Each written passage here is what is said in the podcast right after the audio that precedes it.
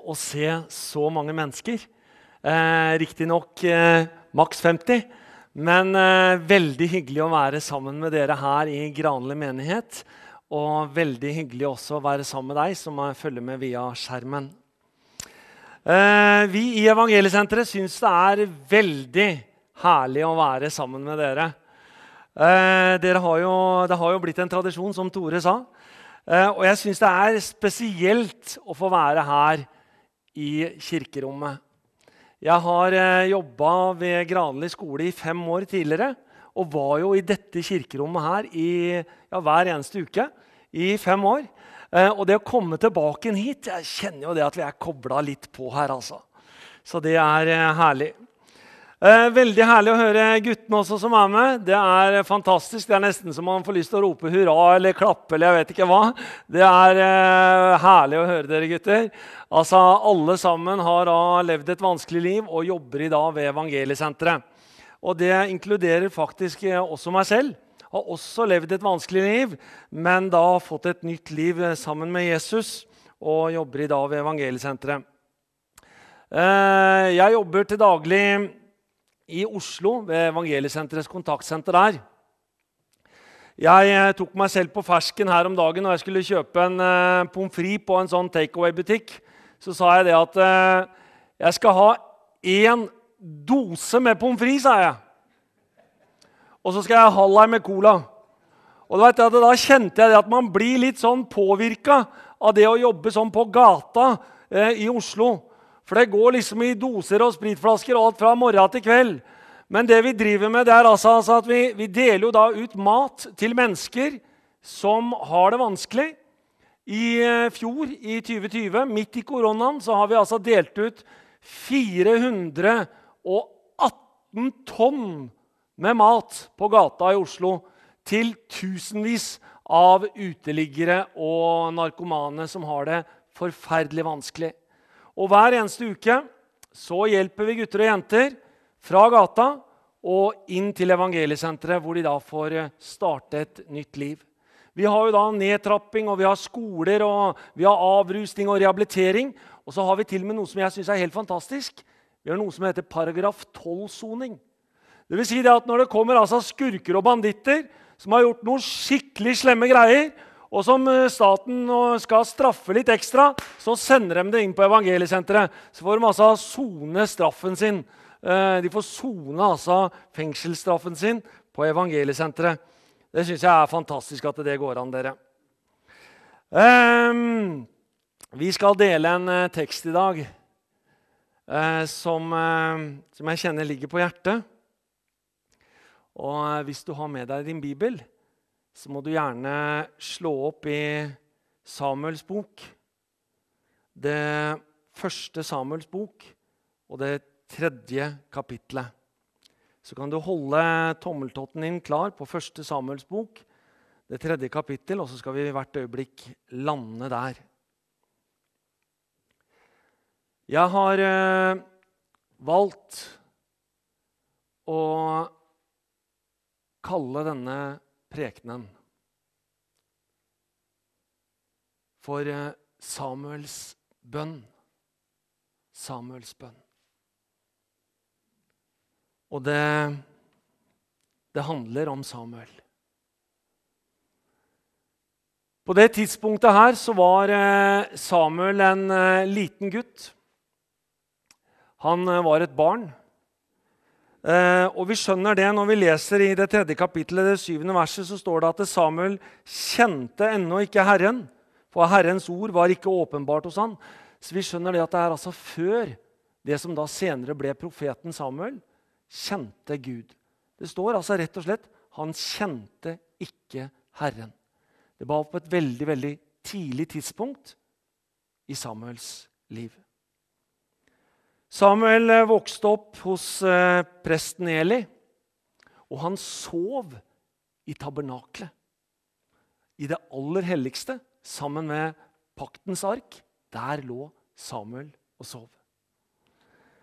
Og det skjer en natt når Samuel ligger og sover, at han hører en røst som sier Samuel! Samuel! Og Samuel tenker at det er presten som roper på han. Så han springer jo da opp til presten og sier, 'Her er jeg.' Men presten sier at 'jeg, jeg har ikke ropt på deg, så gå og legg deg'. Og Han eh, legger seg igjen, og så går det en kort tid. Og så hører han en stemme igjen som sier, 'Samuel! Samuel!' Og han løper opp igjen og løper til presten og 'Halloisen', liksom.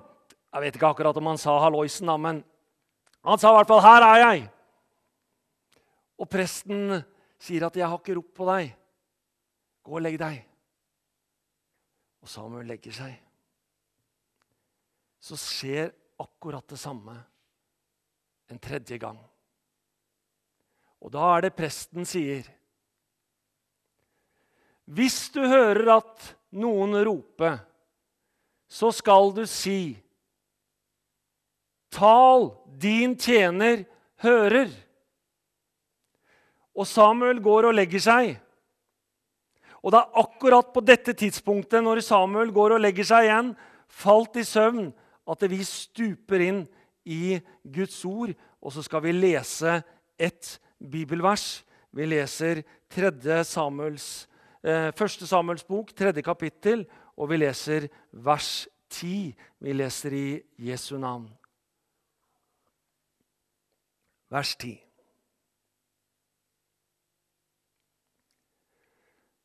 Da kom Herren og stilte seg der og ropte nå som før. Samuel, Samuel. Og Samuel sa, Tal, din tjener hører. Og Samuel sa, Tal, din tjener hører. Dette var Samuels første bønn til Gud. Før dette tidspunktet, noen få vers før, han kjente ikke Herren. Så våkner han på natta. Tal, din tjener hører. Vet du, jeg tenker For en fantastisk bønn å be første gang man ber til Gud. Jeg bare registrerer selv når jeg ber til Gud og hører andre ber til Gud, så, så hender det, det, hender at jeg ber om fint vær, og så hender det at jeg hører bonden som bor borti gata, ber om eh, dårlig vær. Og så, og så, ber vi om mat på bordet, og så ber vi om det ene og det andre. Og, og ber vi ikke noe for vår egen del, så, så hender det at jeg ber om noe for noen andre. Og det er ønsker og, eh, og, det er forespørsler. 'Jesus, kan ikke du gi, gi, meg det?' Eller 'Kan du ikke gjøre sånn?' Eller 'sånn', eller Men Samuels bønn Det var ikke en forespørsel om å få noe. Det var ikke det. Det var en bønn om at Gud skulle tale at han skulle tjene, og at han skulle høre. Tenk å be en sånn bønn første gang man prater med Gud. Jeg husker faktisk første gang jeg ba til Gud. Jeg, eh, jeg er ikke oppvokst i noe kristent hjem. Og jeg levde jo et forferdelig liv med narkotika og fengsler og alt mulig rart. Det var bare elendighet. Men ble frelst da, og, og tok imot Jesus, akkurat som guttene her. Det er mange år siden da. mange år siden. Og, eh, og jeg husker jeg skulle be til Gud, og jeg følte det. At jeg slett ikke var i noen posisjon til å kunne be til Gud. Jeg følte meg som eh, verdens største synder, og det var jeg helt sikkert også. Jeg følte jeg var en kjempesynder. Jeg vet ikke åssen du har hatt det, men det kan hende at du sitter her som har følt det på samme måten. Og Det er ikke så rart heller, for når vi leser Bibelen, så ser vi i Romerbrevet 3, 23, så står det Alle har syndet og står uten ære for Gud. Vi er alle syndet. Men Bibelen eh, sier også noe mer. I Romerbrevet 5.1.: Da vi nå er rettferdiggjort av tro, har vi fred med Gud, vår Herre Jesus Kristus. Vi er rettferdiggjort ved tro, dere. Så ikke fordi at jeg har vært snill, eller fordi at jeg fortjener det, men fordi at jeg tror på Jesus, og at han bar mine synder opp på korsets tre, så har jeg fred med Gud og kan komme framfor Gud og ha samfunn med Han. Det kan hende at du eh, er her i dag som eh, føler det er vanskelig å be til Gud. Noen ganger så er det sånn å være menneske at vi, eh, vi gjør ting som vi ikke tenker vi skulle gjort, som vi ikke planlegger, eller som vi ønsker. Og det kan være ting som gjør at det er vanskelig å be til Gud. Jeg eh, jeg hadde en gang en, eh, en, moped. Det var en sånn Suzuki FZ. Det var en sånn liten rød moped, og den gjorde altså 55 km i timen i nedoverbakke med medvind og hjemlengsel. Og så husker jeg at det var en gang hvor jeg lå helt eh, jeg lå altså over denne mopeden for å prøve å få den da opp i 55 km i timen. Og, og, kjørte da i kjempebratt bakke nedover. og og hadde kjempehjemlengsel og kjørte der. Og så, og så, var jeg så trøtt den morgenen, vet du, og så bare Gjespa som var det. Og før jeg visste ordet av det, så kommer altså en stor flue og bare rett inn i munnen på meg. Og så, og så hadde jeg svelga flua.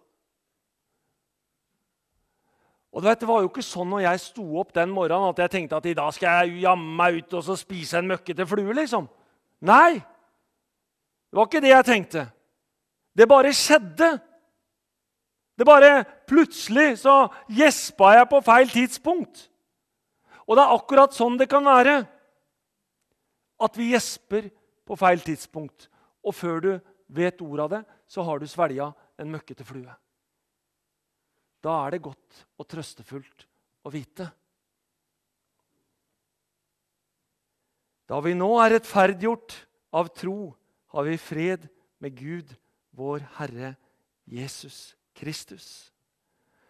På grunn av troen på Jesus Kristus har jeg fred med Han. Jeg, et syndig menneske, kan be på, til Gud på grunn av Guds nåde og barmhjertighet. Eh, når jeg var nyfrelst, så ble jeg da Jeg ble jo da kristen på bedehus. og og det var, sånn, eh, det var jo litt sånn eh, trekkspill og gitar, og det var det. Og så var det litt sånn svung. Jeg syns det var så veldig svung over alle de som ba til Gud. Det var det, vet du. De hadde liksom den rette dreisen og rette svingen. Og, og det, det, liksom, det, gikk så unna i svingene der. Og så, og så, kjente jeg det at jeg ble så redd for å, å be feil. Jeg var så redd for å ikke få det til på samme måten. Og jeg husker de sto sånn og trippa hoppa liksom litt sånn når de ba, og jeg prøvde liksom å, å gynge litt ja, og liksom å se åssen det funka. Liksom, og,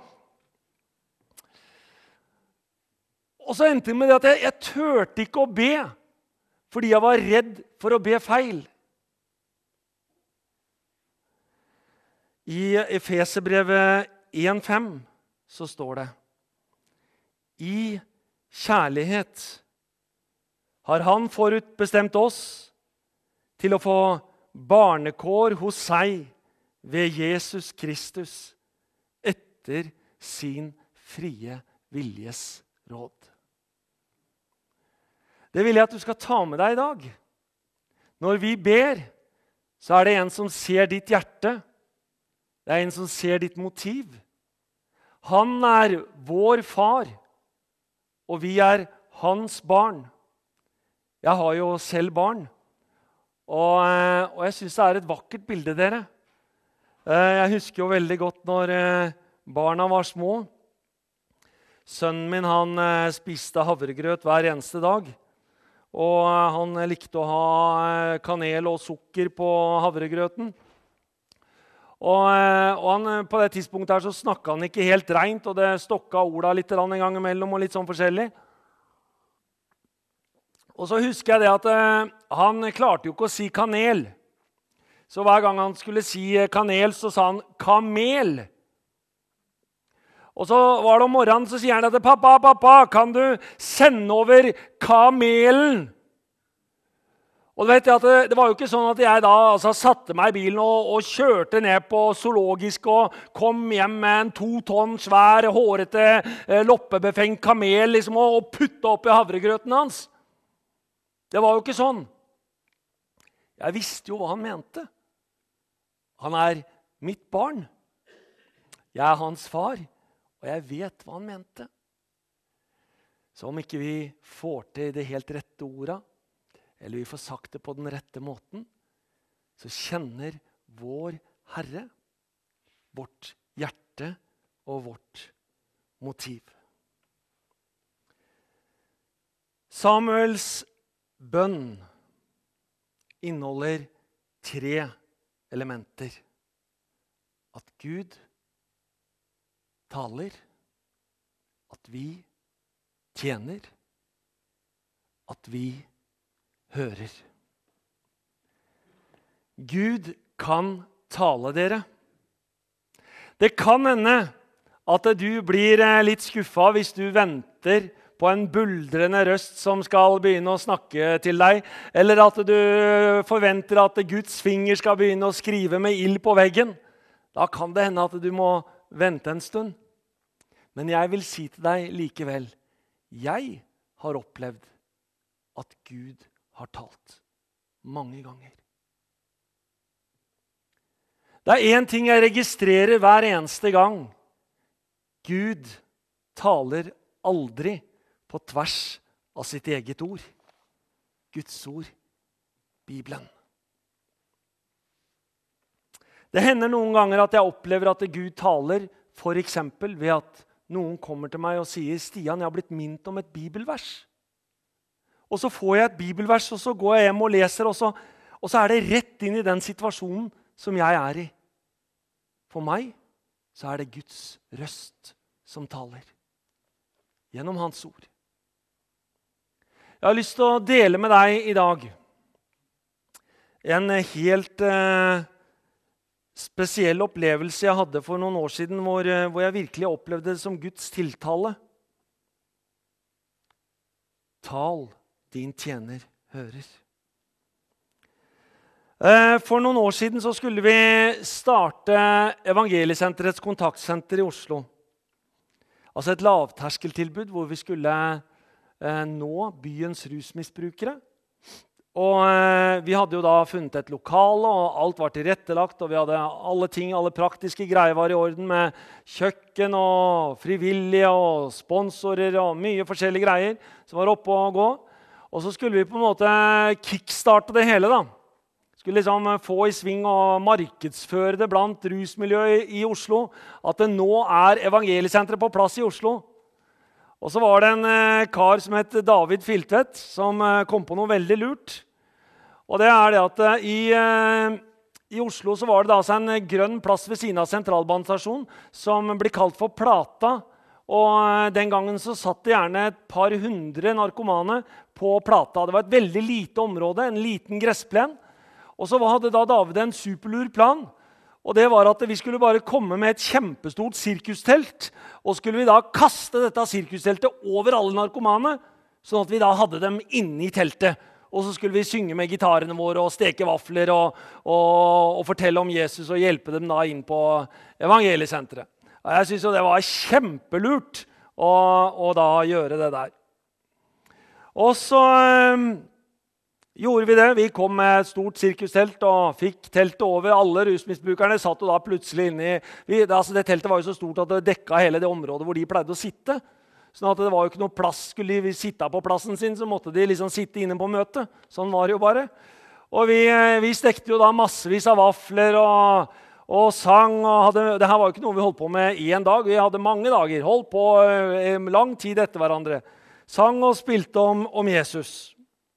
Og så var det én ting som jeg eh, registrerte som skjedde. Og det var at eh, at det plutselig så kom det en del rumenske romfolk inn på møtet. Og det, det, hadde ikke jeg forutsett i det hele tatt. Jeg hadde, ikke, jeg hadde ikke planlagt det. Det var en strek i regninga. Og jeg lurte på hva i all verden skal jeg gjøre med det, det her. Og, og så og så kom de som stekte vafler, da, de kom til meg og sa det at men Stian, de spiser så masse vafler. Altså, og jeg visste ikke det at romfolk kunne spise så masse vafler. Altså. Det var bare helt Altså, det var 15 vafler. Det var liksom en liter vaffeløre.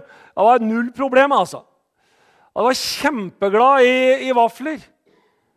Eh, så, så, det gikk jo masse vafler unna. Og... Eh, og så, og så, begynte folk å klage litt. vet du. Her kommer det fremmede folk fra fremmede land, begynte folk å si. Og spiser opp alle vaflene våre, liksom. Det her går jo ikke. Og så kom det andre og klaga at de, de satt og spilte trekkspill ute, i, ut i, i, parken til klokka to om natta. Og det kom folk og klaga på det ene og det andre, og det blei flere og flere av dem. og Massevis. Og så til slutt så så kom til og med de narkomane. Og en narkoman som kommer og sier det at du skjønner, han der han, han stjerte det som jeg hadde stjålet. Altså, Da kom liksom rusmisbrukerne og klaga på at nå ble de frastjålet tjuvgodset sitt.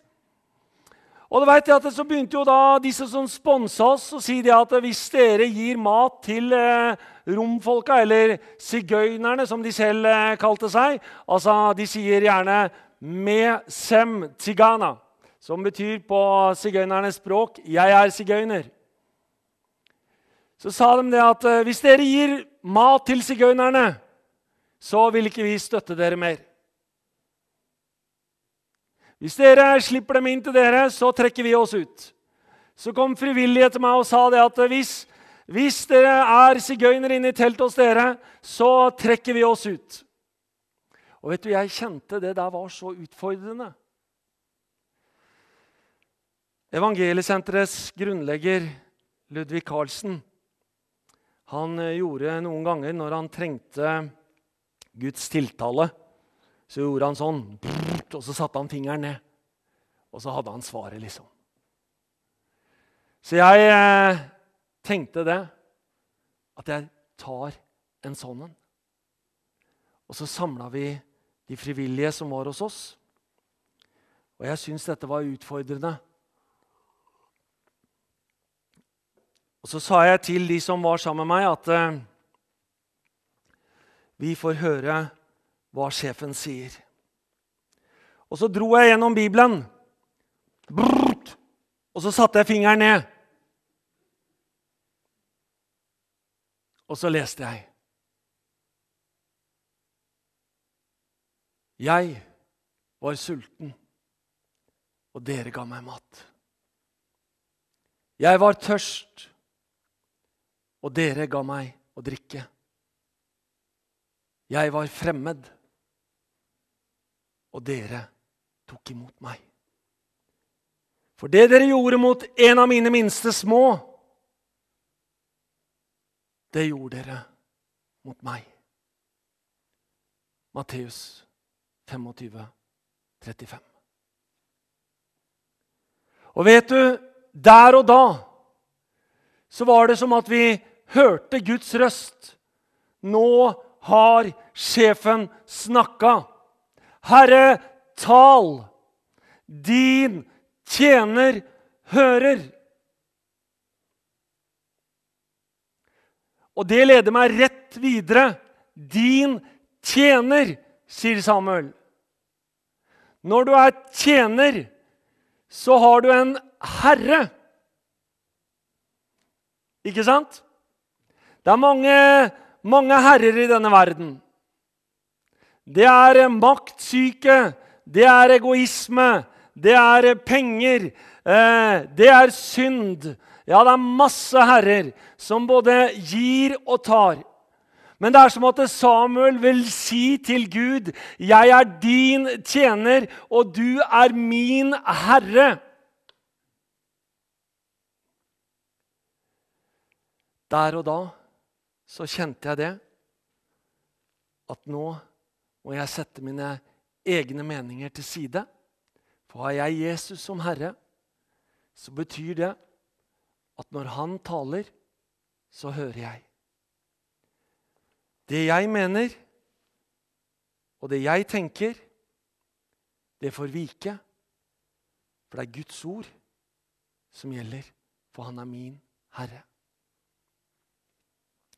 Etter den dagen så har vi da hatt hele huset fullt av sigøynere også. Så vi har jo, vi har jo da altså hatt 400-500 eh, narkomane innom hver dag. Og så har vi kanskje hatt 200-300 sigøynere, så det har jo vært både 7-8 og til og med 900 innom i løpet av én dag. Det er jo helt, helt vilt, spør du meg. Samuel eh, avslutter eh, sin bønn med å si 'Din tjener hører'.